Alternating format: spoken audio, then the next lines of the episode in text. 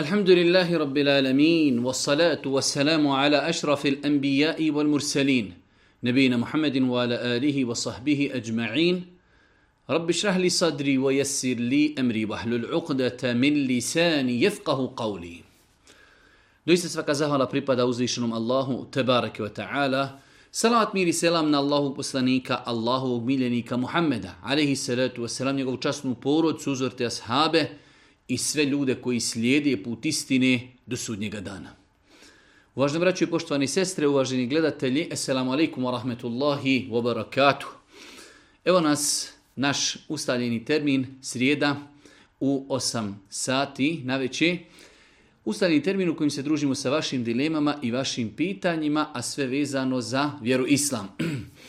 na samom početku ponavljamo po koji put, izvinjavamo se svima onima na čija pitanja nismo odgovorili, doista je mnogo, mnogo e emailova koji stižu na našu adresu. I s druge strane, doista postoje određena pitanja koja su i teška i koja iziskuju mnogo više znanja od onog znanja što mi posjedujemo, a isto tako nerijetko se dešava da su to pitanja koja trebaju dosta dodatnih informacija da bi se na njih dao odgovor. Ovo je naša 28. emisija. Mi svakako savjetujemo svima vama da putem e, YouTube-a imate sve do sad naše, naše emisije postavljene. Do 20. emisije, ako se ne varam, imamo čak napisane i spiskove e, pitanja na, kojima, na koja smo dali odgovore u određenoj emisiji, tako da okoristite se e, pretraživajući i čitajući pitanja, odnosno odgovore koje smo već dali u proteklim emisijama. Večerašnje prvo pitanje, da li je dozvoljeno noćivati, prenoćiti u kući u kojoj se ne klanja? na primjer kod rodbine ili prijatelja koji ne praktikuju namaz. Neko je otišao kod nekog rođaka koji ne klanja, da li je dozvoljeno klanjati u toj kući? Apsolutno da. E, čak šta više je pohvalno i lijepo da se i ta kuća malo osvježi. Ono što je bitno da čovjek ako klanja, da klanja na mjestu koje je čisto, da zna da je čisto, odnosno drugim riječima da ne vidi da ima neka nečistoća, tako da nema nikakve smetnje da se klanja u kući ljudi koji ne obavljaju namaz. Drugo pitanje, da li je dozvoljeno plaćati kiriju u koju su uključeni struja, voda i tako dalje? Pa kirija nije jasno definisana u tom slučaju. Postavlja se pitanje da li je dozvoljeno da čovjek kaže rentam i iznajmljujem ti kuću, a u tu cijenu je uračunata i struja i voda i sve ostalo. Allah najbolje zna bolje izbjegavati takav način e, rentanja ili iznajmljivanja e, kuća iz razloga što E, potrošnja energije i potrošnja vode i ti određenih komunalija se može razlikovati. Dobro, ako imamo nešto što je fiksno, kao što je grijanje, primjer radi po metru kvadratnom, tada je u redu. Ali neko će za mjesec dana potrošiti 10 konvertibilnih maraka struje, a neko će možda stotinu. Isto tako neko će potrošiti 10 konvertibilnih maraka vode, a neko će potrošiti stotinu. Tako da moj savjet je kada se određena stvar renta i kada se iznajmljuje da stvari koje nisu fiksne da se ne uračunavaju u cijenu znači rentanja već da to bude obaveza onoga ko stanuje. Koliko potroši toliko i plati jer jedan od uvjeta validnosti iznajmljivanja u islamu, u fiku imamo jedno posebno poglavlje rentanje, iznajmljivanje u kojem je obaveza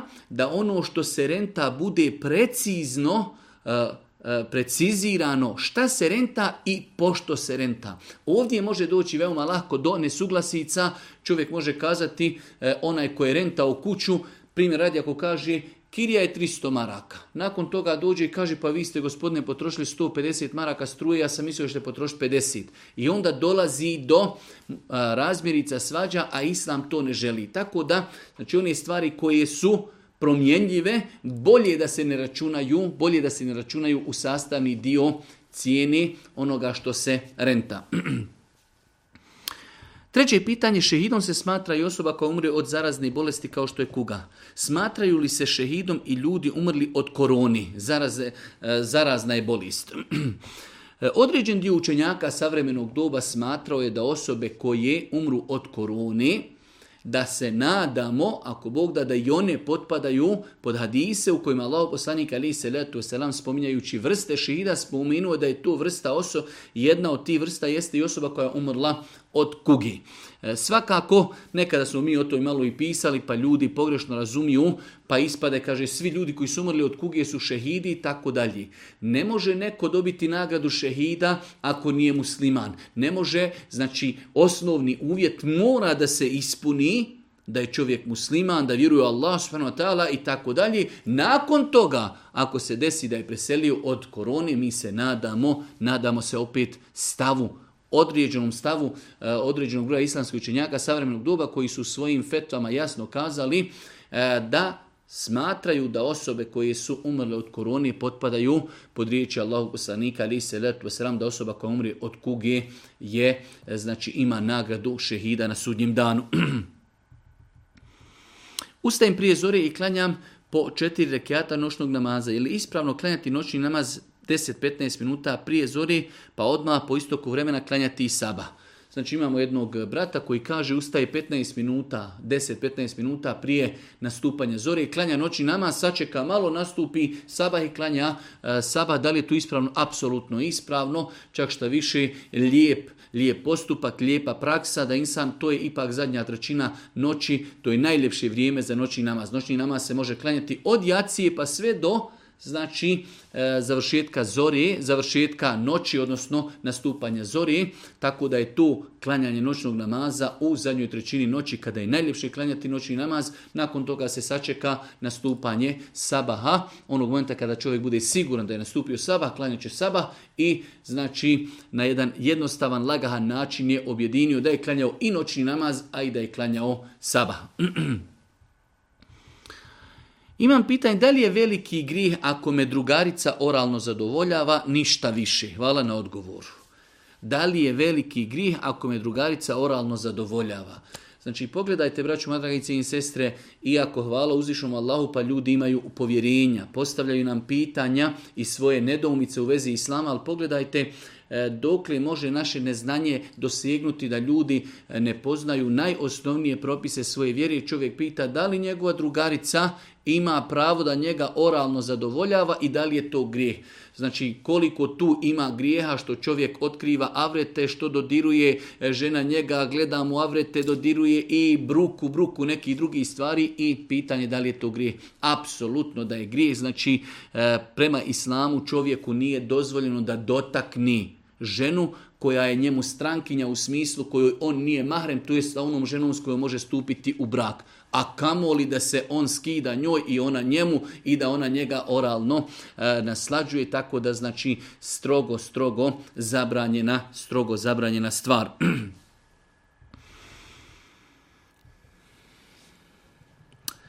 Pitanje malo čudno, Izgubila sam oca prije dva mjeseca, preselio je na Ahiret, ali moj otac je mnogo tio da se pokrim, da stavim hijab ali on umru, a ja se nisam pokrila. Sada sam odlučila se pokrijem, hoće li me nekako vidjeti i doći do njega ta vijest. Ja ako sam tužna, voljela bih da znam. Imamo dvije stvari. Prva stvar, znači ova naša sestra treba da požuri sa svojim pokrivanjem kako bi ispunila ono čime je obavezao njen gospodar uzvišeni Allah subhanahu wa ta'ala jer rekli smo više puta svaki novi izlazak punoljetne žene iz kući a ona ne nosi hijab je novi grijeh pa je znači obaveza svakoj punoljetnoj ženi prilikom izlaska iz kuće da nosi hijab. Pa je znači e, ova sestra e, treba da požuri da e, počne nositi hijab kako bi se pokorila uzvišom Allahu subhanahu S druge strane, pogledajte kako djeca nekada kada roditelji odu, nakon toga pokušavaju da nadomjeste ono što su propustili u toku svoga života. Djeca treba da se trude, da ispune želje svojim roditeljima dok su još roditelji živi. Da li će roditelj znat za to, to je teško tvrditi. Znači, da li ljudi koji su umrli znaju za postupke, Allah najbolje zna da ne znaju, znači, ali da li postoji neka mogućnost za određene stvari koje ljudi urade, za njih mrtvi znaju, kao što je došlo do dostupnog hadisima, da se čovjeku podigne deređa, bude podignut mu stepen, e, znači, e, na sudnjem danu, pa on upita gospodaru zbog čega je ovo, pa se kaže to je zbog e, dovi tvoga djeteta tebi. Tako za određene postupke i mrtvi znaju, ali znači da li će otac u ovom slučaju konkretno znati da je njegova čirka počela nositi hijab je stvar gajba o kojoj mi ne možemo govoriti. Jedno pitanje, kaže, zovem se tako i tako, potičem iz porodice mišovitog braka, majka je katolički vjeroispovijete, a otac je musliman. Proveo sam 30 godina u nevjerstvu, koje je nanosilo zlo i nepravdu drugima i samome sebi, skoro psihički sam obolio i tako dalje. Pitanje je osoba koja se znači baš teško i loše osjeća, postavlja pitanje da li ima mogućnost da se vrati uzvišom Allahu, da okrene novu stranicu, kako da to uradi i tako dalje nakon 30 godina provedeni u grijesima, u nemoralu, u nepravdi, tako da je svakako da ima eh, hvala uzvišom Allahu pa je ova naša vjera Islam savršena, potpuna pa insan bez obzira koliko eh, proveo vremena daleko od Allaha pod određenim uticajima, da li možda porodci, da li društvo u kojem živio, da li grada i tako dalje, ali svima su vrata otvorena 24 sata. Čovjek treba da se okrini, da e, svati bit zbog čega je stvoren, da znači lagano počne izučavati vjeru obaveze čime ga je obavezao njegov gospodar uzvišeni Allah subhanahu i tek tada će i tek tada će osjetiti sreću i zadovoljstvo spoznavši zašto živi na dunjalku. Tako da li ima mogućnost? Svakako, svi imamo mogućnost da se vratim uzvišenom Allahu te ta'ala pa čak ljudi koji su nemuslimani, nevjernici imaju mogućnost da se pokaju i vrate uzvišenom Allahu. Šta činiti eh, nakon povratka Allahu subhanahu wa najbitnija stvar jeste iskrenost prema gospodaru i edukaciju edukacija.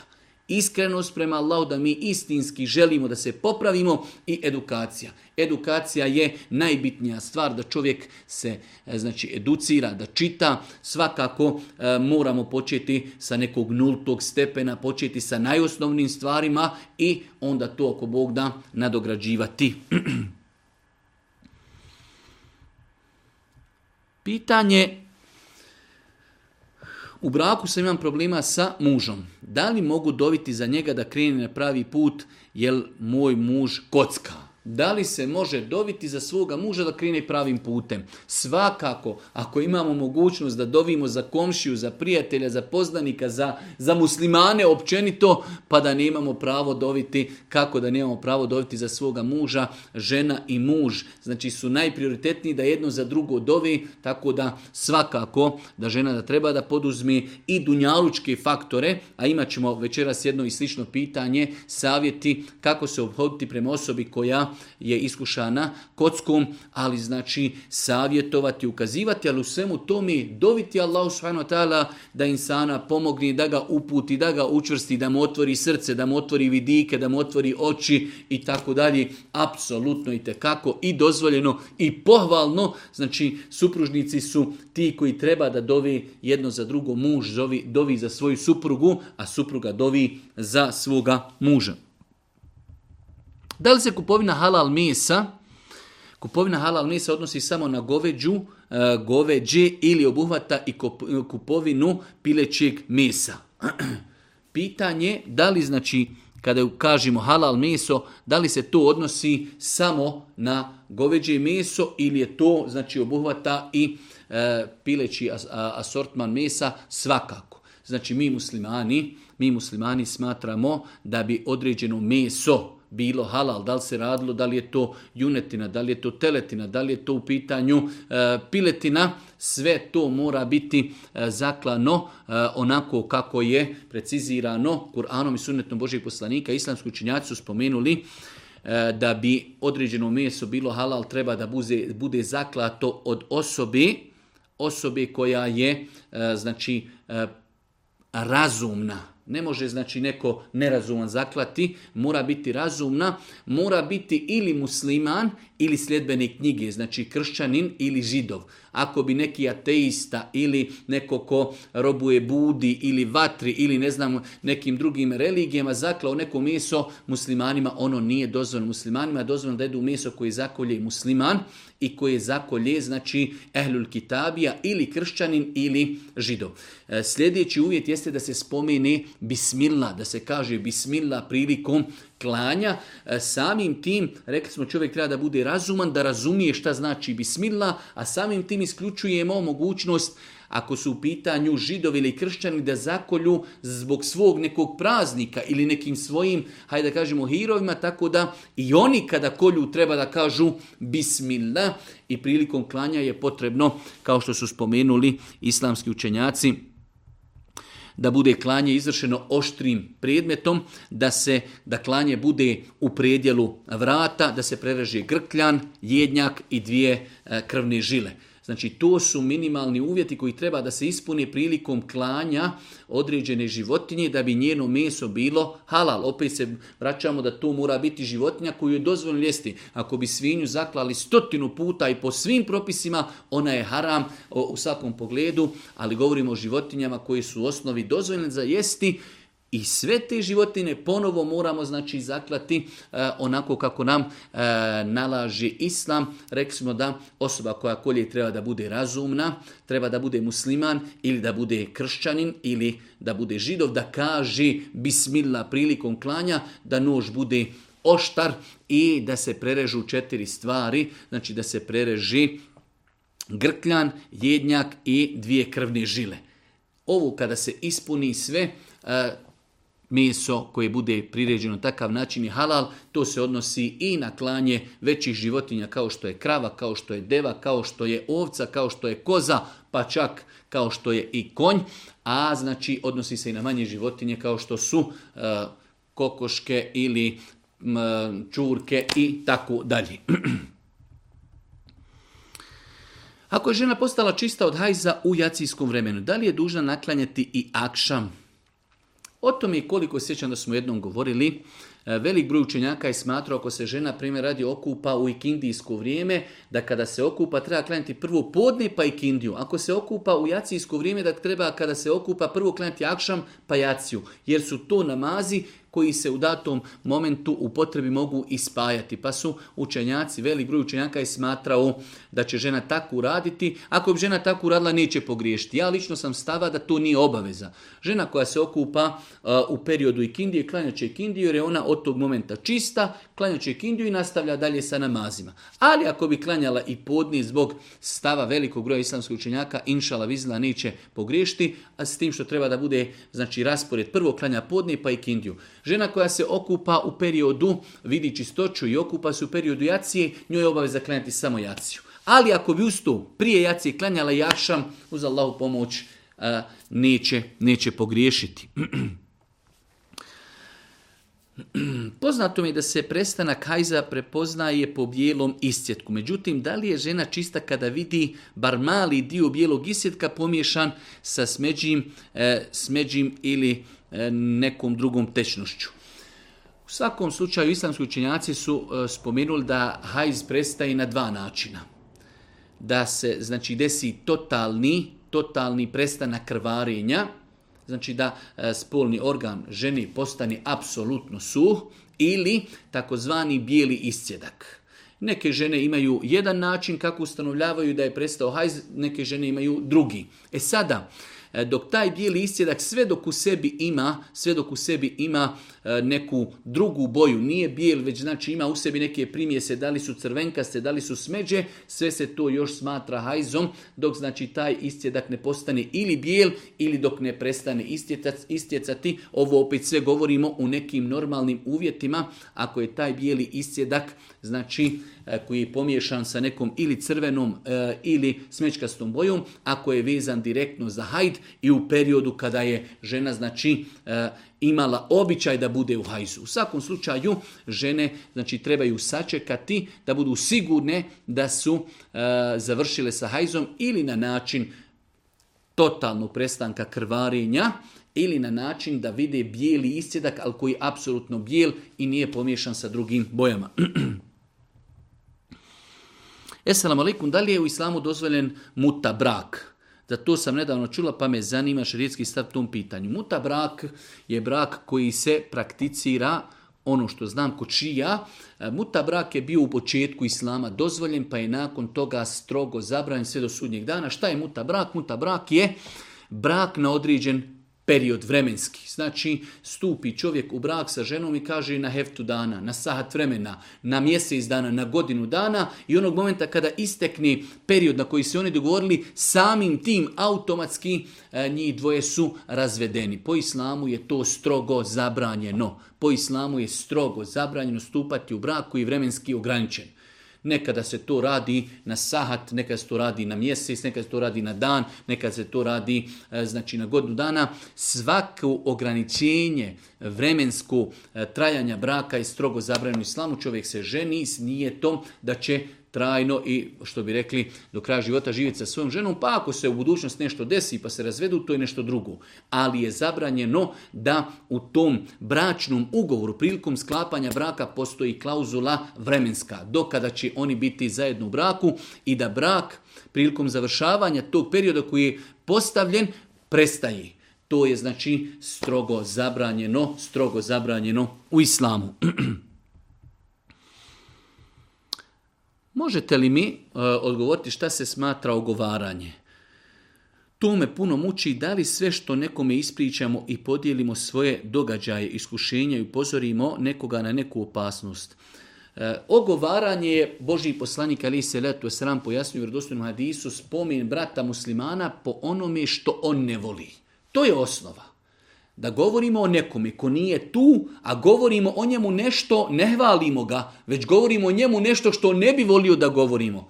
Svako od nas voli kada neko o njemu priča, u njegovom osu kaže, eh, mašala je dobar, je kako pazi na porodcu, jesu mu djeca odgojena, jest uspješan, to svako voli.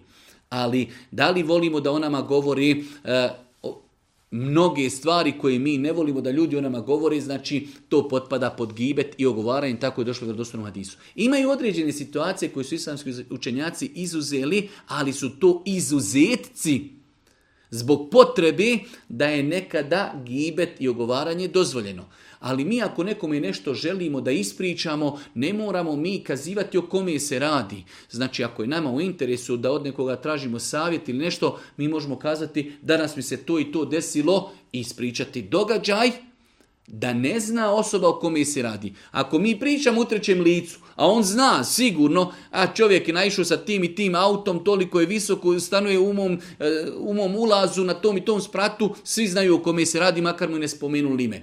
Tako da, da bi izbjegli gibec, znači mi ćemo govoriti u trećem licu, ali isto tako nećemo toliko detaljisati eh, kako se ne bi znalo o kome se, o kome se radi. Namaz obavljen u sobi koja je malehna i pravac kibli usmjeren, kre, e, usmjeren ka krevetu moga cimera. Zanima me da li je dozvoljeno klanjati ako on spava na tom krevetu. Znači, dvojica cimera dijeli zajednu sobu, soba je potjesna, Pravac kiblije je prema krevetu na kojem taj nekada cimer spava. Da li je dozvoljeno tako klanjati? Dozvoljeno klanjati nema nikakve smetnje da se klanja u pravcu osobi koja leži ili koja sjedi. Pogotovo ako je to u pitanju još krevet koji je i odignut, znači tatla nema nikakve smetnje da se znači čovjek okrene prema okrene prema krevetu na kojem neko leži. Da li je dozvoljeno učiti Kur'an sa aplikacije na telefonu bez abdesta? Nema smetnje, pogotovo, pogotovo ako su to neke pod navnim znacima vanredne situacije da čovjek koristi svoje vrijeme i da uči Kur'an bez abdesta, znači koristeći mobitel i određenu aplikaciju. Islamski učenjaci su e, vodili žestoke rasprave da li je obaveza imati abdest kada se drži mushaf u rukama i E, uči se Kur'an iz Mushafa, velika većina učenjaka je smatrala da se mora imati abdest. Ja sam o tome nekada i govorio, smatram da nije obaveza i da je to bio jedan od razloga se ljudi odaljili od mushafa, odaljili od Kur'ana zato što im je postavljen uvjet mora uvijek biti abdesne. Ne postoje jasni i vjerodostojni argumenti koji nas obavezuju kada dotičemo mushaf da moramo biti pod abdestom. Svakako da je to prioritetnije i bolji. Tako isto učenje Kur'ana putem mobitela, ako možemo imati abdest to je bolji. Ali vozimo se e, znači negdje u tramvaju, u autobusu, sjedimo u nekoj čekaonici na poslu ili ne znam znam nija gdje, imamo minutu, dvije, pet, deset vremena, otvorimo aplikaciju, učimo Kur'an bez abdesta, ako Bog da nismo griješni, čak što više imamo nagradu što smo se družili sa Allahom knjigom i učili Kur'an. Porodila sam se na carski rez prije sedam dana. Zanima me kada mogu nastaviti klan s obzirom da ne znam koliko će dugo trajati nifas. da li mogu sačekati četiresnicu i nakon toga i tako dalje. Osoba koja se porodila putem carskog riza. On, ona, njen propis je kao i propis žene koja se, rodila, koja se porodila normalnim putem. Znači sve dok žena vidi krv, ona neće klanjati.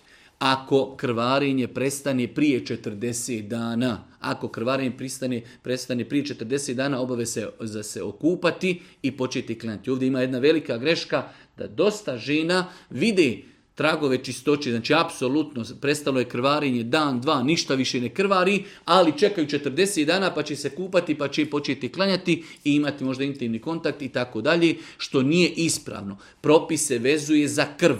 Propis se vezuje za krv, tako da onog momenta kada žena bude sigurna da je krv prestala, ona će, ona će znači, se okupati i početi klanjati do 40 dana. Ako bi krvarenje nastavilo i nakon 40 dana, ja lično sam stava da nije to granica 40 dana. Ako bi i nakon 40, 41, 42 ista krv bila sa istim bojama, za mene je to sve nifas, ali u tim momentima treba se žena obratiti nekoj stručnoj i školovanoj osobi da joj da fetvu šta će i kako će raditi. Mi govorimo, znači ako bi krvarenje nifasa prestalo prije 40 dana, ženi je obaveza da se okupa i da počne klanjati namaze.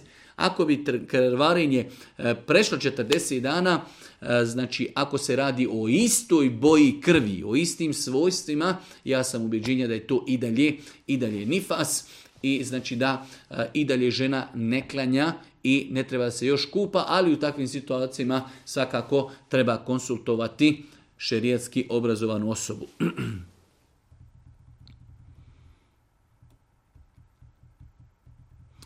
Jedno malo duže pitanje, pitanje je E, možemo ga rezimirati, e, jedan bračni par živi u dijaspori u Europi, roditelji od tog čovjeka žive u Bosni, ali su dobro stituirani, imaju svoje neka primanja do 1500 konvertibilnih maraka, čovjek živi u Europi, on radi, žena ne radi, imaju neku platu od 1400 eura, plaćaju stan i dađbine 1000 i njima ostani 400 eura. Da li oni u takvoj situaciji znači pogotovo ako imaju vanredne situacije kao što je porod i oprimanje bebe i tako dalje, da li su obavezni da svaki mjesec šalju svojim roditeljima e, nešto novca? Nisu obavezni. Znači roditelji koji su stituirani, ako nemaju vanredni troškova, hiljadu i pol konvertibilnih maraka za jedan bračni par u Bosni, ako su to stari ljudi, imaju svoju kuću, ne plaćaju kirije, to je njima više nego dovoljno, e, tako da e, u takvom slučaju nije obaveza. Čovjek da s vremena na vrijeme iz respekta i poštovanja pošalje neki poklon, hediju, sve je to lijepo, ali obaveza, obaveza onda kada insan ima novca, a njegovi roditelji su u potrebi. A u ovom slučaju roditelji nisu u potrebi, čak šta više, nerijetko se nama dešava da mi o tim ljudima na zapadu imamo e, neka uvjerenja da oni imaju toliko novca da ne znaju šta će od njega. E, na zapadu je veoma teško živjeti u slučaju ako samo jedna osoba radi u porodici, tako da i prijatelji, i rođaci, i poznanici, pa i roditelji trebaju da razumiju takve stvari. Ako se radi o poroci u kojoj radi samo jedna osoba i radi neki prosječni život, njima nije lako sastaviti kraj s krajem. Da, za razliku u poroci gdje radi i čovjek i žena, to je već malo situacija e, i drugačija, ali mi govorimo o propisu da li je obaveza slati novac svojim roditeljima koji su stituirani, nije obaveza, treba iz nekog respekta, poštovanja i dobročinstva sve na vrijeme i nešto poslati kao vid dobročinstva.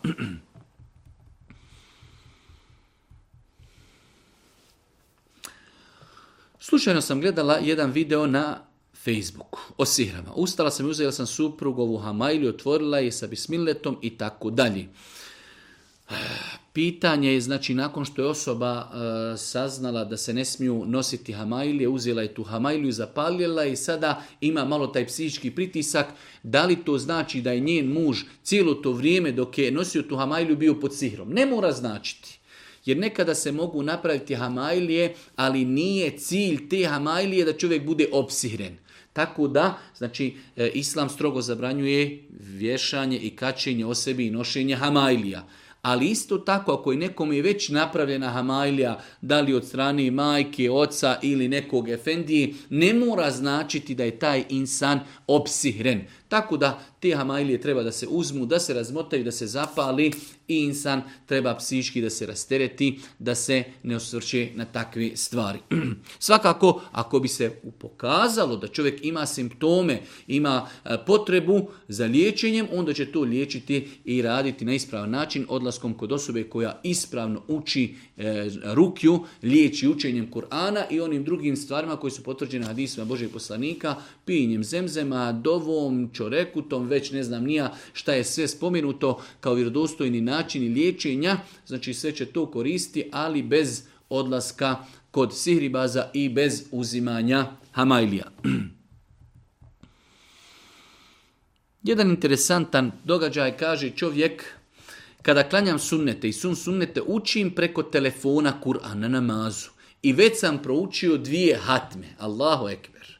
Pa pita da li je to ispravno. Znači čovjek ne zna mnogo Kur'ana na pamet, pa kada klanja sunnete i, i poslije namaza opet farze, znači poslije farza klanja takozvani sun sunnete, eh, on u namazu uči Kur'an iz mobitela i do sada je dva puta proučio cijeli Kur'an. Nešto fascinantno i lijepo, iako nije, nije ustaljena praksa. Da li je to ispravno?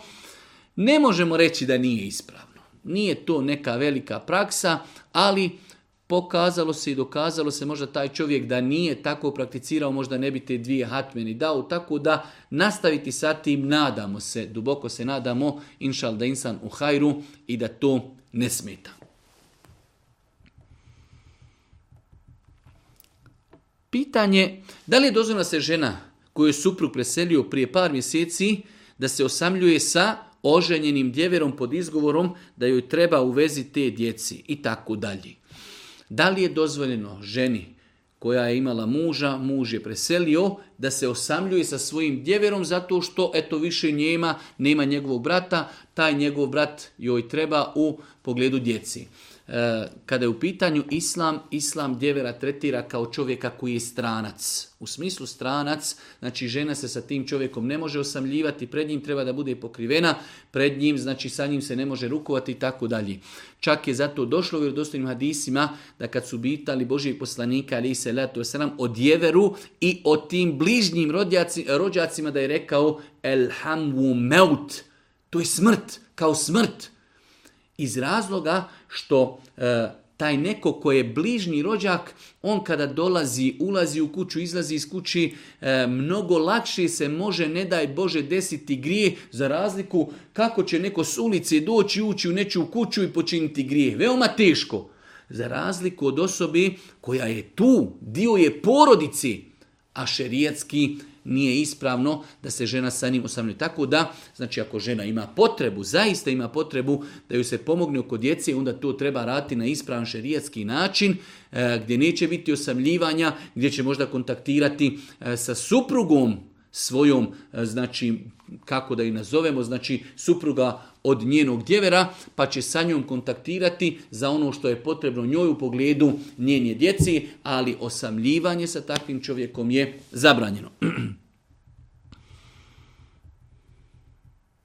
Jedan brat nam je ispričao svoje, svoje iskustvo kada u pitanju, onako lijepo iskustvo, a gdje je želio da ljudima da svoje neko iskustvo kako e, uspjeva klanjati sabah namaz, jer se dosta puta postavlja pitanje e, u ovom zimskom periodu, sabah namaz, ljudi idu rano na sabah, e, idu rano na posao pa ne mogu stići klanjati sabah namaz kod kući, pa je on ovdje spomenuo jedno svoje lijepo iskustvo gdje je spomenuo da ustani znači prije nastupanja sabaha, klanja malo noći namaz koliko može, nakon toga sačeka nastupanje sabaha i klanja sabah, ako e, već negdje mora putovati, kreće pod abdestom i onda gdje ga zadesi sabah namaz tu i klanja, pa je ovdje čak i spomenuo, kaže, e, mogao bi knjigu napisati da pobrojim sva mjesta gdje sam obavljao namaz, trebala bi jedna dobra knjiga.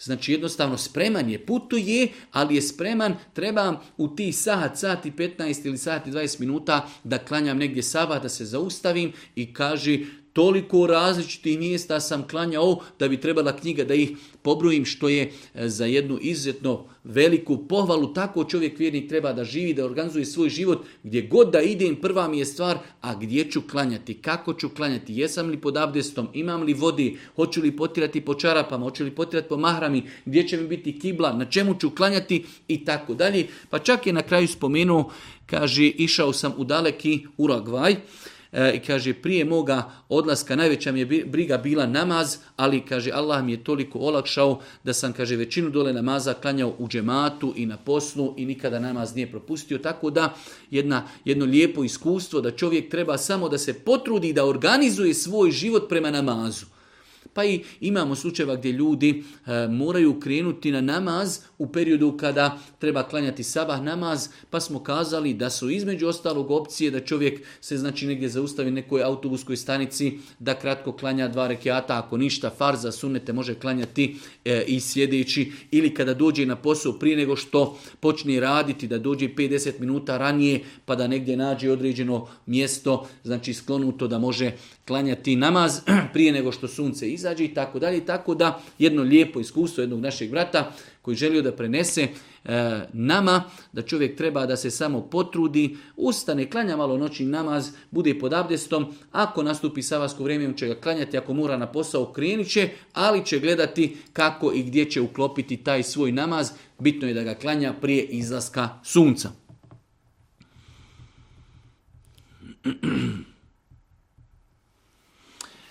E, pitanje je malo duže, ali na kraju je pitanje ima li šta sporno da čovjek dovi Allah da ga učini imućnim muslimanom i u smislu čovjek ima problema, ima neki dugova, da li je pokuđen čovjek moli Allaha da ga učini imućnim? Apsolutno nije problem da čovjek moli Allah, ja rab, obskrbi me, povećaj mi na faku, daj mi halal na faku, e, olakšaj mi da vratim dugove i tako dalje.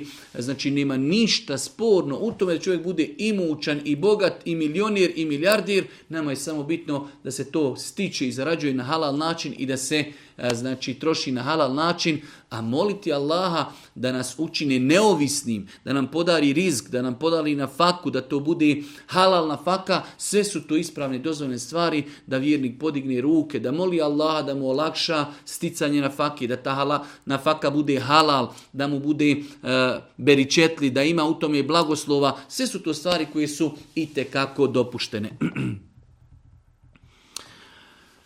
Pitanje, bavim se privatnim poslom, fast food e, i neki doner kebab i tako dalje. Dostavljamo te donere i kebabe na adrese, oni koji to traži. Da li je problem da mi to dostavimo nekome, e, primjer radi osoba koja radi u kladionici, naručila je da joj donosimo doner i da li je nama halal taj novac što zaradimo ako smo to dostavili toj osobi koji tu radi. E, Allah najbolje zna, ne vidim u tome ništa sporno u smislu da li je naš novac halal, da. Kako ga je ta osoba zaradila, mi ne znamo. Ne, mi ne možemo garantovati da taj novac koji je nama dala je tu novac koji je zaradila možda u toj kladionci. Tako da mi se ne trebamo time opterećavati. Ne možemo mi svaku osobu koja dođe na pijacu da kažemo a dobro, a kako ste vi zaradili taj novac, otkud vam taj novac. Tako da u takvim situacijama čovjek znači e, moje poslovanje prema vama je halal i dopušteno. Vaš novac kojeg vi meni dajete, kako ste ga vi zaradili, ja to ne znam i ti me interesuje. Znači meni je bitno bitno da moje poslovanje s vama bude dopušteno i na halal način.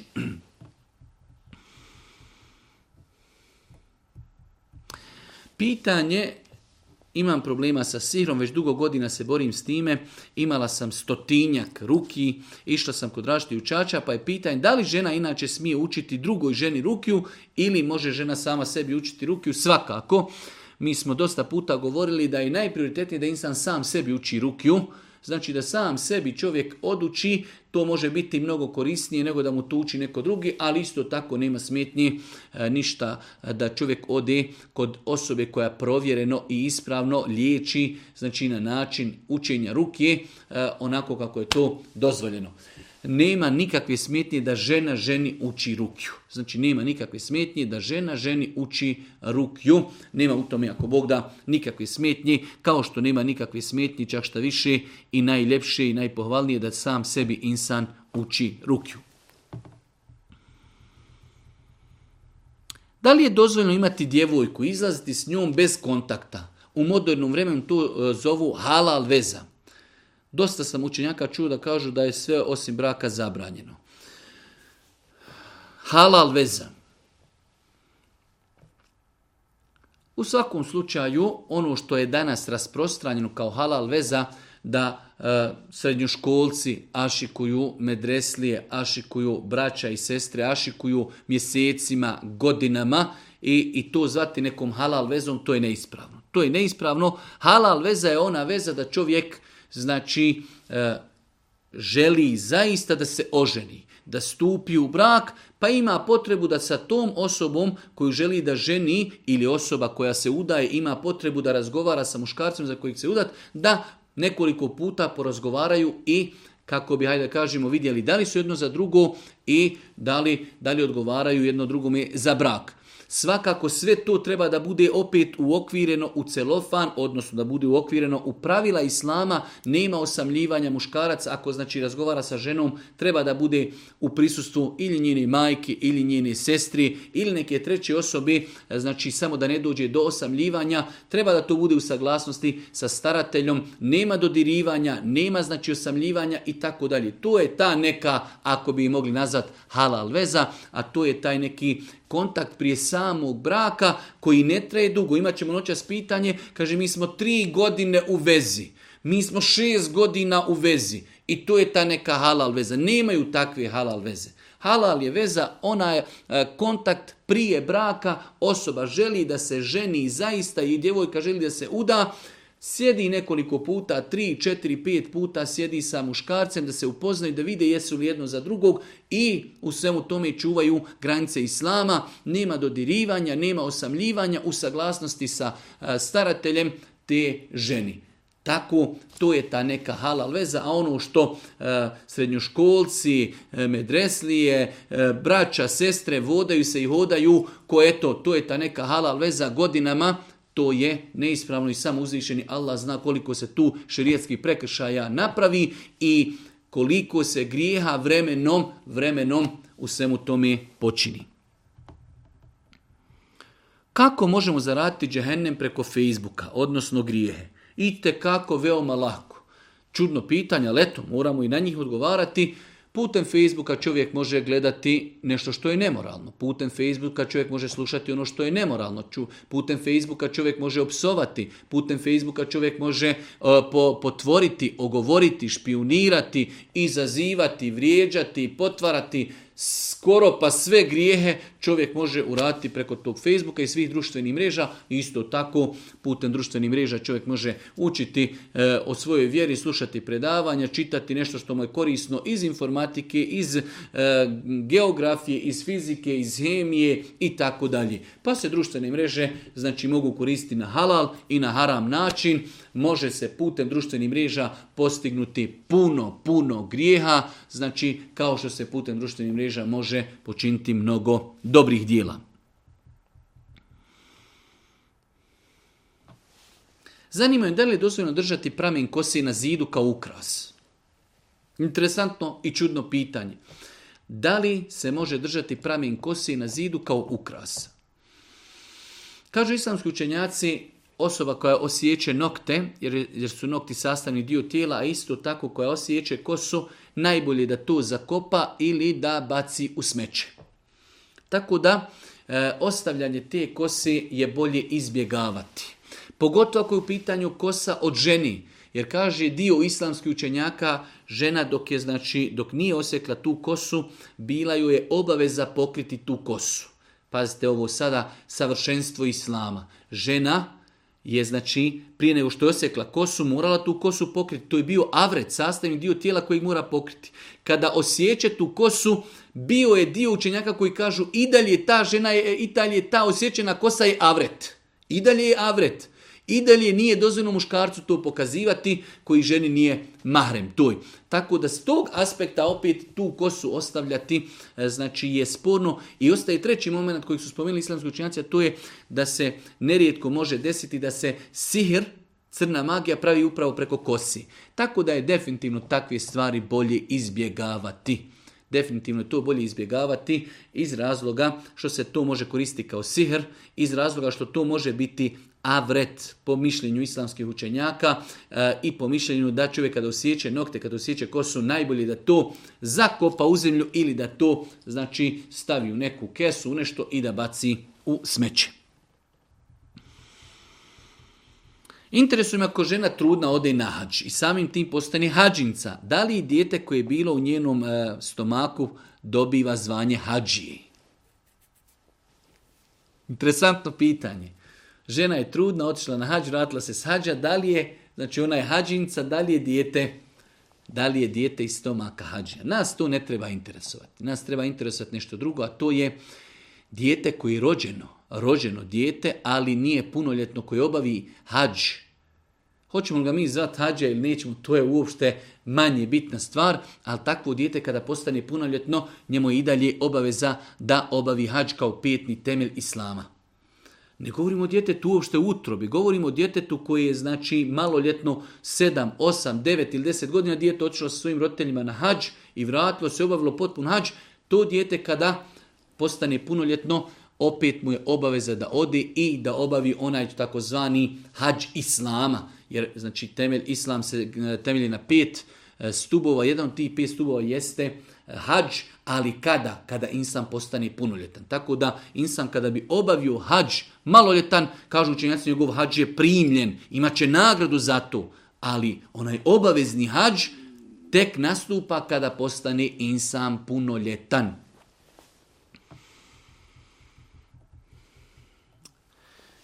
Kada klanjam za imamom, kod e, kojih namaza treba učiti sure, a kod kojih ne treba. Znam e, za pravilo da se ne smije takmičiti sa imamom i tako dalje oko sura. Jedno malo i komplikovano pitanje, a i nejasno.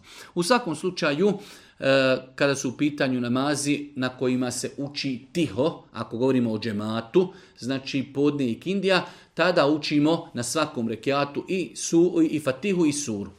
Ako su u pitanju namazima na kojima se uči naglas kao sabah, akšam, jacija, tada ćemo znači slušati kirajet mama. Tada ćemo slušati kirajet mama na namazima, odnosno rekiatima na kojima imam uči naglas kada u pitanju akšam prvi i drugi, na jaci prvi i drugi, na sabahu prva dva. Kada je u pitanju akšam treći rekiat, tada moram učiti fatihu, kada je u pitanju jacija treći četiri moramo učiti fatihu. To je što se tiče e, učenja ako smo u džematu. Ako smo sami na svim namazima, na svim rekiatima se mora proučiti znači fatiha. Ako je u pitanju prvi i drugi rekiat, onda i sura. Kad u pitanju preticanje imama, misli se na preticanje u pokritima.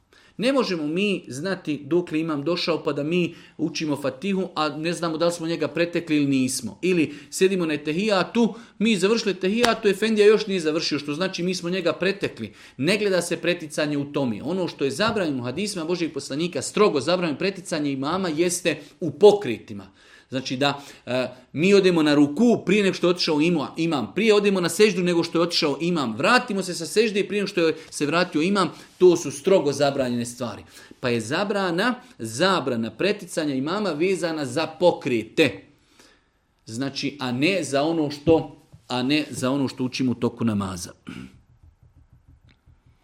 Da li u islamu dozvoljena operacija nosa, ušiju, presađivanje kosi i tako da onda nakon toga e, pojašnjenje, to su stvari koje neke ljude čini sretne, nekim nesretne i tako dalje. Kada u pitanju presađivanje kosi, rekli smo da nema nikakve smetnje e, da se e, poduzme presađivanje kosi. Kada je u pitanju presađivanje kosi, to je najlakšije pitanje u svemu tome. Kada je u pitanju estetska hirurgija u pogledu nosa i ušiju, onda se vraća na pitanje potrebe, e, da li je ta stvar doista potrebna i da li ta stvar toliko psihički opterećuje insana. Imate ljude koji imaju tu neku, hajde da kažemo, eto, nazvat ćemo i devijaciju, možda imaju možda malo veći nos ili imaju možda veće uši ili su e, malo klempave uši, ali čovjek živi normalno, ne osvrće se na te stvari. Imate ljude koji to mnogo opterećuju. Jednostavno, e, meni su se znali javiti ljudi koji razmišljaju o samoubistvu zbog toga, u takvim nekim situacijama, znači ako bi insan pribjegao tim stvarima, e, samo iz razloga da se njegova psiha smiri, nadamo se inšala da nije griješan, iako ako ne postoji fizička potreba, fizička potreba. Šta znači fizička potreba? Nekada čovjek mora napraviti operaciju zuba zato što jednostavno ne može normalno da jedi i tako dalje. U takvim situacijama ta neka estetska hirurgija je svakako dopuštena ali samo onako uljepšavanje u osnovi je zabrano. Čovjek čisto onako želi da se uljepšava, radi operacije, to je zabrajno. Ovdje govorimo samo o tom momentu ako doista čovjek ima određenu, nazovimo je deformaciju, da je doista nos mnogo veći nego u drugih ljudi, ako su uši mnogo veće i klempave nego što je to kod nekog normalnog insana, da u takvim uvjetima uradi tu neku estetsku operaciju, nadamo se da nije griješan, a da se strpi i znači da to prihvati kao lahov kader i odredbu, ja smatram da je mnogo prioritetniji i bolji. je da li smijem imati intimni kontakt sa suprugom, suprugom, a ona je u fazi liječenja ruke od sihra.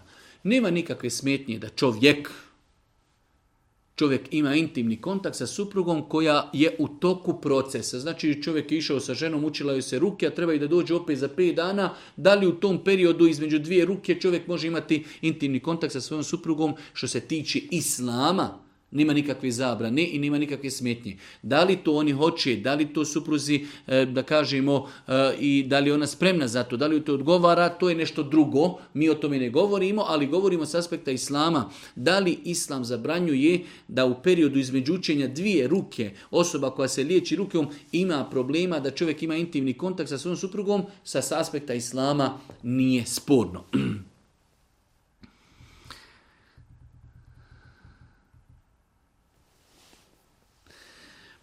Ako je žena pred porod i leži u sali i tako dalje, ostaće na tom eh, eh, operacijskom stolu tri dana kako će klanjati i kako će abdestiti. Možda smo odgovarali neka slična pitanja, u svakom slučaju osoba koja je na krevetu i neće se pomjerati iz određenih uvjeta, iz određenih razloga, bolesti, poroda i tako dalje, ostaju joj obaveza namaza sve dok je razumna. Ako može biti pod abdestom i abdestiti, ona će uzeti abdest, pa makar joj neko i pomogao. Ako ne može uzeti abdest i nemaju ko pomoći, onda će uzeti tejemum. Ako ona ne može direktno uzeti tejemum, onda će joj neko pomoći da uzme tejemum, znači u smislu čak neko drugi može da znači dotakne zemlju, dotakne kamen ili neki crijep i da njoj znači dotakne njeno lice i da dotakne i da znači potari njene ruke. U takvim nekim situacijama osoba će klanjati onako kako može, onako kako je krevet okrenut, ali je bitno da se namaz obavlja. E, s druge strane, mm, kada je u pitanju e, namaz, znači rekli smo da insan klanja onom halu i onom stanju kako može. E, Potruce, ako može da uzme abdest, ako ne može da mu neko pomogne uzeti abdest, ako e, ne može uzeti abdest, onda da mu neko pomogne da uzme, da ili će insan sam uzeti septemum, ili će mu neko pomoći da uzmete tejemum, ali je bitno da se nama sklanja. E, pošto su to neke vanredne i teške situacije, znači ako bi osoba u takvim situacijama ispajala namaze, ovdje je postavljeno pitanje da li se mogu kratiti namazi, ne. Namaze se ne mogu nikada krati, osim na jednoj situaciji, to je put, putovanje.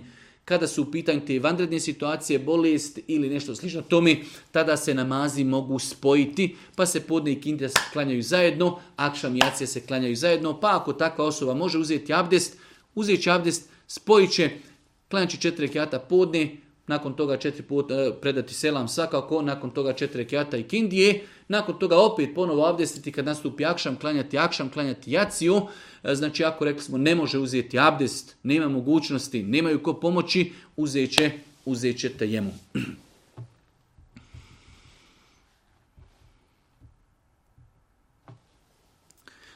Pitanje osoba koja, vjerujem da malo ima i vesvesa e, po načinu pisanja, nekada dok je bila malehna, sjetila je se sada da je nekada dok je bila malehna opsovala neuzubillahi Boga. E sada nju to tišti, ona se je pokajala, vratila se, dugo već i vjeru, ali da li je njeno pokajanje ispravno? Mi smo nedavno o tome i pisali, Znači, pogotovo što insan, ako je nešto uradio dok nije bio ljetan, to je apsolutno nešto drugo. Ne treba se čovjek time opterećavati.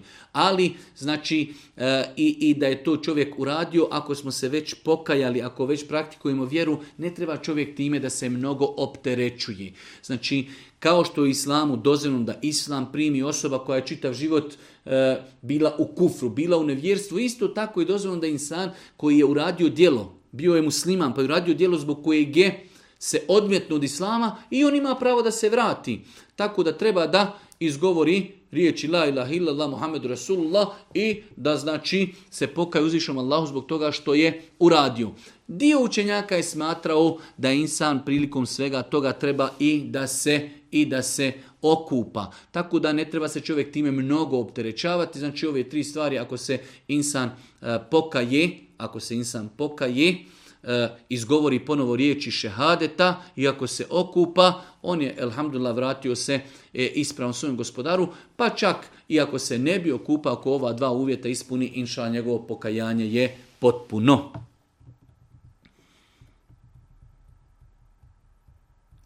Osoba prilikom sklapanja braka izjavila sam da ću promijeniti djevojačko prizme i prihvatiti muže prizme. Prije što smo promijenili prijezime u dokumentima, saznal sam da je to šerijetom zabranjeno i tako dalje. Pitanje je osoba na početku vjenčanja rekla prihvatit ću muževo e, Nakon toga kada su htjeli da vade dokumente, shvatila je da je to neispravno i opet je ostala na svom prezimenu. Sada je pitanje da li je pogriješila što nije ipak uzela muževo prezime jer je to u početku obećala. Apsolutno insan nije griješan, znači zato što je ostala na svome prezimenu, radeći ono što je dozvoljeno islamu. To što je na početku obećala, obećala je zato što nije znala propis. Kada je shvatila propis da je to zabranjeno, nakon toga je i, i odustala od toga, tako da ispravan postupak i nadamo se bez ikakvih grijeha. Možete li nam, molim vas, dati neki savjet u puti kako pomoći ovisniku o kocki? Doista je ovisnost o kocki jedna izuzetno opasna stvar. Nažalost, velik broj ljudi e, nije svjestan koliko je ovisnost o kocki opasna. Tako da insan koji želi nekome pomoći treba da shvati e, da on ima veliki problem. Sama ovisnost, kao što imamo ovisnost o e, nikotinu, o, o drogi i tako dalje, isto, slično tome je ovisnost o kocki.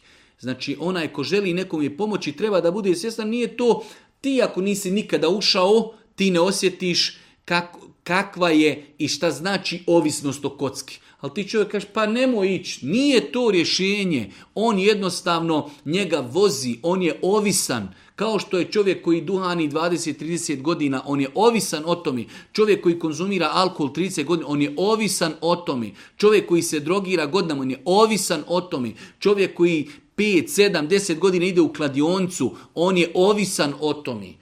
Pa je, treba znači na samom početku znati da se radi o ovisnosti što nam i tekako e, signalizira, trebamo se pametno postupati. Isto tako, Veoma je bitno e, voditi razgovor s tom osobom da vidimo da li on razumije da je problem to u čemu se on nalazi. Jer nije isto liječiti osobu koja kaže znam, ovo je problem i gubim novac i rasturio sam porodcu i mnogo toga, ali jednostavno ovo je jače od mene. Za razliku čovjek kaže, šta nije ba uopšte problem, šta ima problema, što, šta je problem, što ja dajem moje su pare, radim sa njima šta hoću, pa je različit tretman osobe koja zna da je to problem. Samo mu neko treba pomoći i različito je tretirati osobu koja ne želi uopšte prihvatiti da je to problem. Isto tako mnogo je bitno racionalno razgovarati s tim osobama o negativnim rezultatima. Da čovjeku se kaže dobro u redu, hajde da sjednemo, da razgovaramo. Evo, koliko si novaca prošle godine, prošle sedmice, prošlog mjeseca dao u kladionicu. Zar nisi od toga novca mogao kupiti svojoj djeci, svojoj supruzi, mogao si dati na kraju krajeva u sadaku, sve si to bacio, sve si to i tako dalje. Svakako oni koji razumiju islam, da im se kaže da islam strogo zabranjuje e, takve postupke i metak potrošen u kladionci haram dobio, eventualno čovjek nešto dobio i taj imeta kojeg si dobio je također haram. Pa znači treba s ljudima razgovarati s racionalne strane, sa šerijatske strane, pokušati im spomenuti o kakvim ciframa se radi, koliko ljudi mjesečno, godišnji na, na, na, u jednoj državi ili u svijetu potroše i baci para u kladionce. Isto tako e, ponuditi ljudima e, društvo, Znači ponuditi alternativu. Dobro, nemoj ići u kladionicu, ali hajde da prošetamo, hajde da idemo ovdje, hajde da, da trčimo, hajmo u teretanu, hajde da se bavimo ovim, hajde da čitamo, hajmo na namaz, hajmo na predavanje, hajmo na kolače, hajmo i tako dalje. Moramo ponuditi ljudima alternativu. Ako je govorimo nemoj nešto raditi, dobro, šta ću? Onda daj alternativu, pa i preventivu. Čovjek hoće da ide na posao, prolazi pored kladionice ne idi tim putem, idi drugim putem, preventivno. Jer ti kad nju ugledaš, ne možeš odoljeti. Sve dok nisi došao do nje, idi drugim putem. Idi sa prijateljem koji ti neće dopustiti iz jaranskih neki razloga da odeš i tako dalje. Pa znači e, druženje sa dobrim i moralnim ljudima, dova Allahu subhanahu wa strah od Allaha, e, briga za porodicom, koliko ljudi unište i metka, a njihova djeca su možda gladna, žedna, željna, željna pažnje, željna i metka, željna poklona, a sve to neko tamo baci. Tako da, znači to su te neke stvari e, da čovjek bira društvo, da e, nađi sebi alternativu, da razmišlja o negativnim rezultatima, da razmišlja da je to šerijetom zabranjeno, da razmišlja o stanju svoje porodici, sve su to neke stvari koje mogu pomoći čovjeku da ako Bog da, ako bude iskren, ostavi taj opasni porok.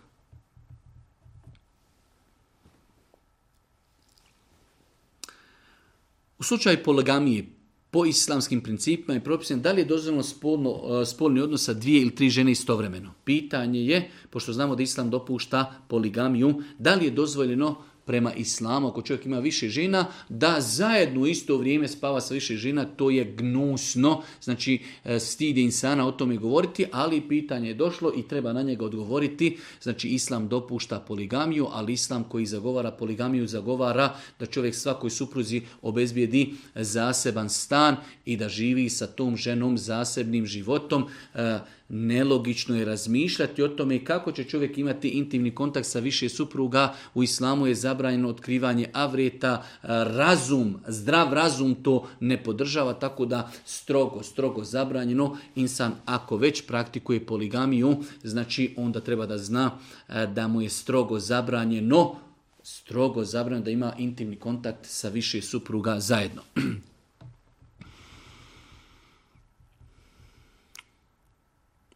Pitanje jedno malo duže, obzirom da je moja majka bila teški bolesnik od sihra i tako dalje, bojim se za sebe i svoju porodcu. E, u svakom slučaju osoba e, vjerovatno pod pritiskom psihičkim, znajući da je majka bila bolesna i od sihra, e, ne osjeća se dobro.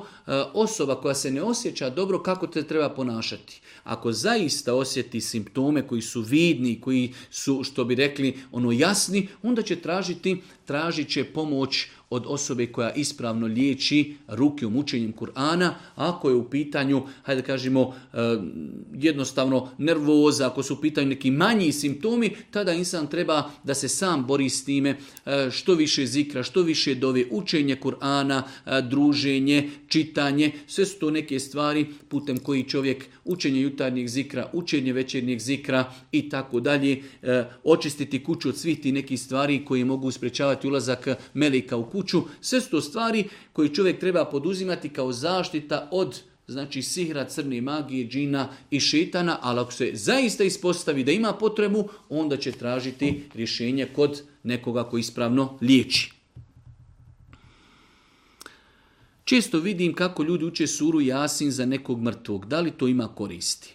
Mi smo rekli da preferiramo mišljenje da nema smetnje da sam prouči lično da prouči nešto od Kur'ana i da nagradu toga, ovdje kaže zar u Kur'anu ne stoji da je Kur'an opomena živima.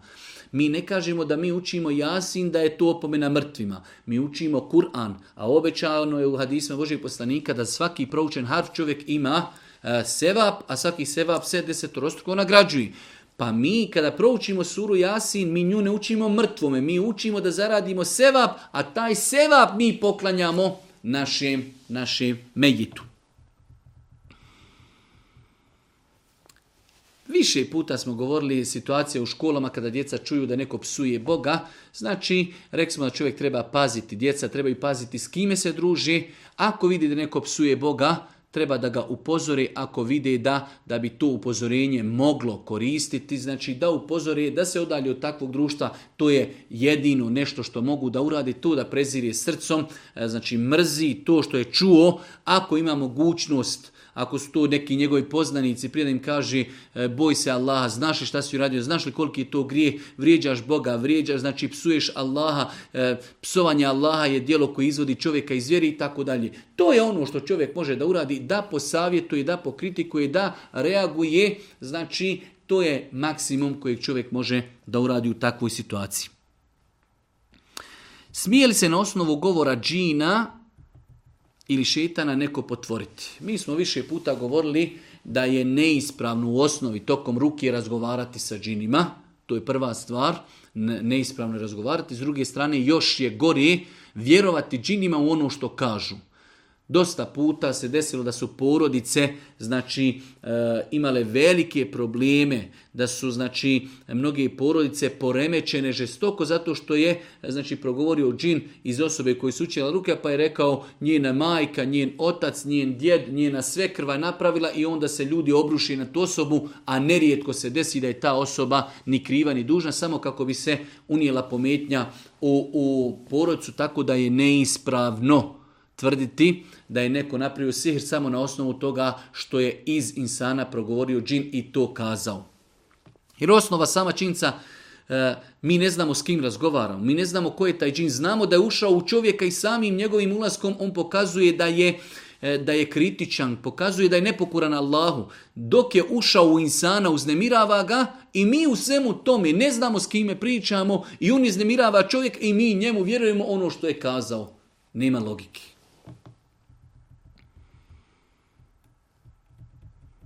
sa djevojkom sam tri godine i nakon tri godine smo saznali da je njen, njeni majke, nana i moje majke i nana da su rođene sestre. Mogu li ženiti tu djevojku? Ali pogledaj, tri godine smo u vezi. Tri godine, znači sam s djevojkom.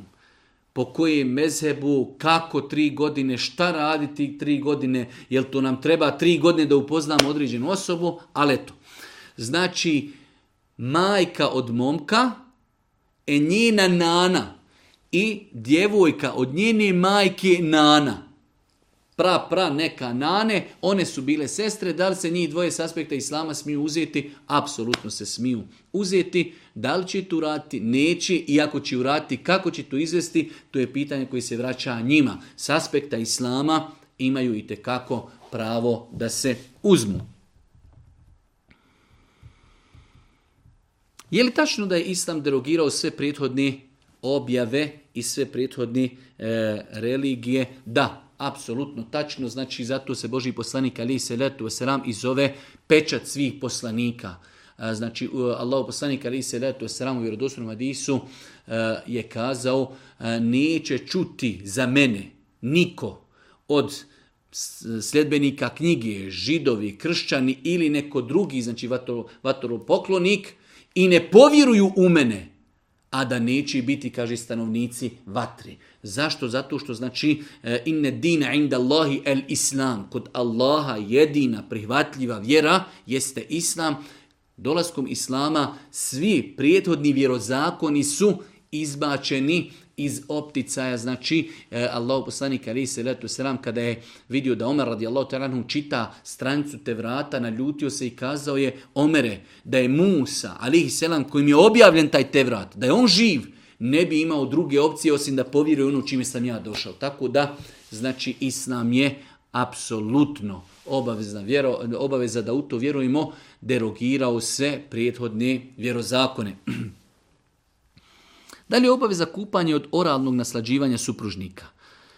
Znači mi smo govorili da u islamu ako supružnici u tome osjeti slast i e, to im znači odgovara, nema smetnje znači da uživaju, e, da se naslađuju oralnim naslađivanjem, da li je obaveza od toga da se kupaju ako je došlo do ejakuliranja sjemena muškarca ili žene, znači tada je obavezno kupanje. Ako nije došlo, kupanje nije obaveza. Znači sam čin, sam čin e, oralnog naslađivanja supružnika ne obavezuje na kupanje. Ako je prilikom oralnog i drugog naslađivanja došlo do ejakuliranja sjemena da li muškarca, da li žene, tada kupanje postaje obaveza.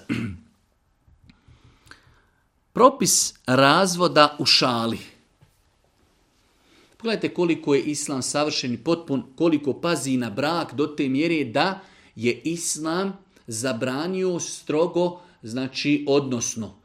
Islam smatra validnim razvod u šali. Čovjek sedi sa ženom i šali se i kaže svojoj supruzi, ženo, razvedena si razvedena. Razvod se broji. Jer je došlo u vjerodostojnom hadisu da Allah poslanik ali kaže tri stvari i u ozbilji i šali, one su ozbilja. Padaju. Jedna od te tri stvari jeste i razvod Pa se insan treba paziti, podučiti propisima. Razvod braka nije nešto čime se čovjek može šaliti. To je krupna i ozbiljna životna stvar, pa nas Islam uči da se pazimo ne može se čovjek šaliti i igrati se oko razvoda braka, tako da, znači, e, ovo je svima nama sugestija da se ne smijemo poigravati, izgovarati riječi razvoda, makar to bilo i u šali, jer i e, u šali izrečen razvod se smatra razvodom.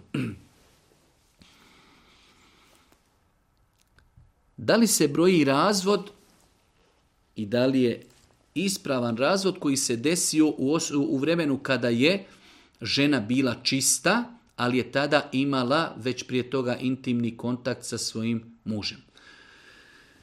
Osoba koja želi da razvede ženu, treba da to uradi u periodu kada je žena, znači nakon hajza, završila hajzo, kupala se i u tom periodu čistoće nije sa njom nikako imao intimni kontakt. Pogledajte kako je islam savršen i lijep. Kako je potpun? Znači čovjek, žena je bila u mjesečnicu, okupala je se. I prvi dan nakon kupanja e, su imali intimni kontakt i muž se nešto naljutio, želi da razvede ženu. Ne može je razvesti, neispravno je, neispravno je, neispravno je, jer je Boži poslanik to strogo zabranio da razvede ženu, mora čekati da prođe taj cijeli mjesec, da ona dobije mjesečnicu, da se okupa, kada ona bude čista, nije sa njom nikako spavao, tek tada može da i razvede. Ali ako bi se desilo da je čovjek razveo ženu u tom periodu, po mišljenju izričito velikog broja islamskih učenjaka, taj razvod braka se broji, znači jedan ili dva shodno koliko je čovjek do tada ženi dao razvoda. Znači uradio je nešto što je zabranjeno, ali u svemu tome po mišljenju džumhura, većinskog dijela islamskih učenjaka, taj razvod braka se broji. Pa znači insan vjernik kada stupa u brak treba da se poduči propisima, ako je čovjek, znači žena se okupala od mjesečnice, ako je samo jednom sa imao intimni kontakt i ako je odlučio da se razvede, treba da sačeka, da razmisli, da se ohladi do te mjere, do sljedeći put ona dok dobije mjesečnicu, završi mjesečnica, okupa se, tek nakon toga ima pravo da je razvede. Ako bi se desilo da je razveo u periodu u kojem je ona čista, ali su imali intimni kontakt, taj razvod braka po mišljenju apsolutno veliki broja islamskoj činjaka, se broji jedan, jedan razvod. Da li je utemeljeno spuštanje alata na zemlju prilikom zakopavanja medjita? Vidjeli smo kada ljudi na dženazi zakopavaju mejita, pa dosta ljudi znači ispusti lopatu ili e, ne znam nija nešto drugu, neku alatku, da li je to motika, da li je lopata ili nešto drugo na zemlju, pa drugi uzimaju i tako dalje. Nema tu nikakvog utemeljenja u islamu. Što se tiče islama, to nema nikakvo utemeljenje, to može samo biti neki vid sujevjerja, čovjek treba da zagrči, dodati drugom čovjeku lopatu i nastaviti spuštanje lopati, e, znači nema nikakvo utemeljenje u islamu i nema potrebe da se to prakticira. Kako odgovoriti onima koji kažu da je duhan mekruh? Kako da oni dokaži svoju teoriju da je to mekruh? Ne znam da danas postoji na planeti učen insan kojim ljudi svjedoči na svjetskoj sceni, na svjetskom nivou da je alim, da je učenjak i da on smatra u današnje vrijeme da je konzumiranje duhana, da je konzumiranje dumana mekruh. Možda u početcima, kada se još nije znalo o štetnosti duhana, da je bilo učenjaka koji su kazali da je mekru, da je duhan, konzumiranje duhana mekruh. Ali nakon što nam je e, znači tehnologija i nauka potvrdila koliko bolešću ga proizilazi iz konzumiranja duhana, ako danas ima neko ko smatra da je konzumiranje duhana E, konzumiranje duhana mekru, takav insan doista niti ima širijetsko znanje, niti poznaje islam. Tako da je konzumiranje duhana haram i zbog štetnosti, i zbog uništavanja imetka, i zbog uznemiravanja ljudi iz naše okoline. Znači, e, duhan je zabranjen zbog tri stvari. Zabranjen je zbog toga što šteti našem zdravlju, zbog toga što uništavamo naš imetak i zato što time uznemiravamo ljude oko nas, E, oni koji nas okružuju. Tako da ne znam da danas postoji na planeti čovjek koji učenjak smatra konzumiranje duhana mekruhom. Posljednja dva pitanja. E, propis zaklinjanja poslanikom. Strogo je zabranjeno se čovjek zaklinje poslanikom. Jedina zakletva koja u islamu dozvoljena jeste zakljetva uzvišenim Allahom subhanahu wa ta'ala, njegovim imenima ili njegovim svojstvima. To je jedino dozvoljeno u islamu, zakljeta poslanikom, kijabom, e, džamijom, e, znači bez obzira u čemu se radi, jedino čime je dozvoljeno da se čovjek zakune jeste Allahom subhanu ta'ala strogo, strogo, znači vjerodostojni hadisi su došli e, u kojima je strogo zabrano se čovjek zaklinje bilo čime osim Allahom. E, kod našeg naroda je poznato, uzreće se ljudi zaklinju roditeljima, e, neko se zaklinje e, ocem, neko se zaklinje majkom, nekada su ljudi zaklinjali imenima predsjednika, neko se zaklinje poslanikom, neko se zaklinje čabom i tako dalje. Sve je to neispravno i strogo zabranjeno.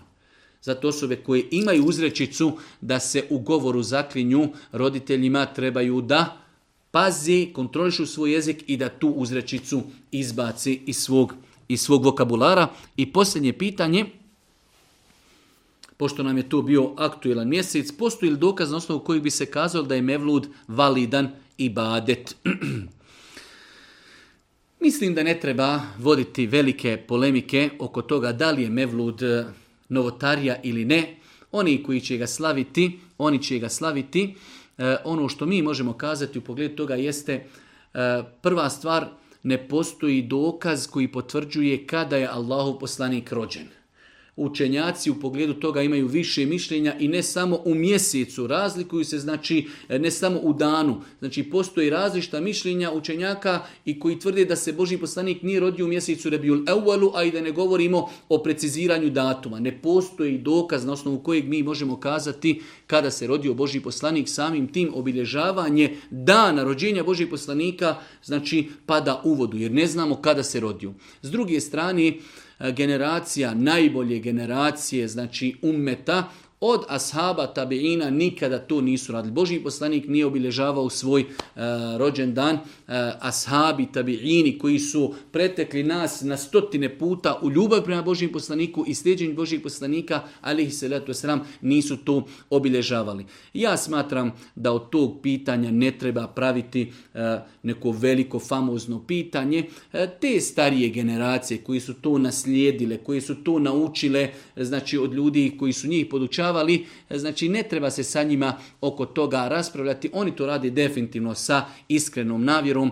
E, misle da je to način ispoljavanja ljubav prema Božim poslaniku, alihi salatu veselam. Treba podučavati e, buduće naraštaje omladinu da slijede Božih poslanika e, u svemu onome što nam je dostavio od njegovog sunneta, znači da je to pokazatelj naši, naše ljube prema Božijem poslaniku, ali i selatu selam, a ne organiziranje nekih mevluda i mislim da će to uz Allahu pomoć na neku, e, u nekoj budućnosti 15-20 godina e, da će to, ta praksa lagano iščeznuti, a Allah subhanahu wa ta'ala najbolje zna. Molim Allah subhanahu wa ta'ala da nam podari korisno znanje, molim Allah subhanahu wa ta'ala da nam bude milostiv na sudnjem danu na kraju. Subhaneke Allahumma da bihamdike, šedun la ilaha ilan stakfiruke, wa etubu ilaikum.